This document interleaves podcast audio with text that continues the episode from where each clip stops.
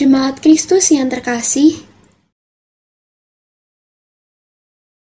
renungan untuk kita malam ini berjudul yang diperhitungkan. Dan bacaan kita diambil dari kitab Mazmur pasal 144 ayat 3 sampai 4 dan ayat yang ke-9 sampai 11. Beginilah firman Tuhan. Ya Tuhan, apakah manusia itu sehingga Engkau memperhatikannya, dan anak manusia sehingga Engkau memperhitungkannya? Manusia sama seperti angin, hari-harinya seperti bayang-bayang yang lewat. Ya Allah, aku hendak menyanyikan nyanyian baru bagimu. Dengan gambus puluh tali, aku hendak bermasmur bagimu. Engkau yang memberikan kemenangan kepada raja-raja dan yang membebaskan Daud, hambamu.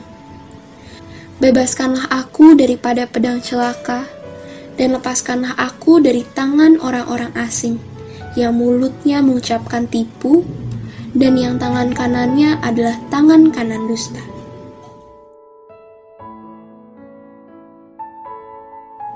Saat kita diperhitungkan, itu berarti keberadaan kita penting dan berharga.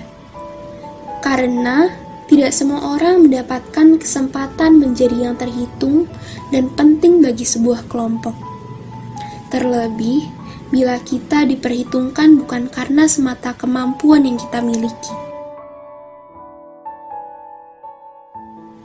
Lalu, bagaimana rasanya bila kita menjadi anggota dari kelompok yang demikian?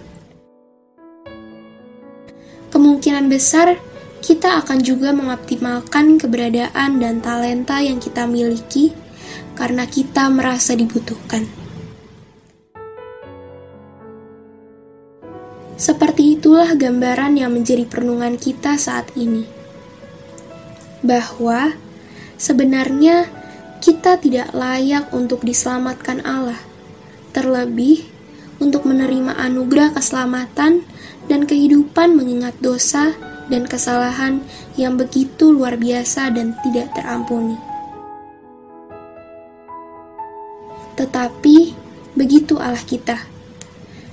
Ia mengetahui betul apa kelemahan, dosa, dan kesalahan kita. Namun, ia tidak berpaling dari kita, malah sebaliknya. Kita dibuatnya berharga dan memelihara kita. Dengan demikian, sudah sewajarnya kehidupan kita sesuai standar sebagai orang yang berharga dan diperhitungkan. Jangan sembarang dalam menjalani hidup kita. Jangan sia-siakan kesempatan yang sudah Tuhan persiapkan untuk kita.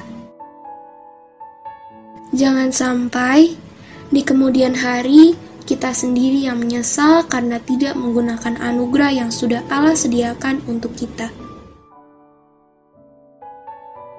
Mari senantiasa memperbaiki kehidupan kita agar nyata anugerah Allah yang kita terima dalam hidup kita.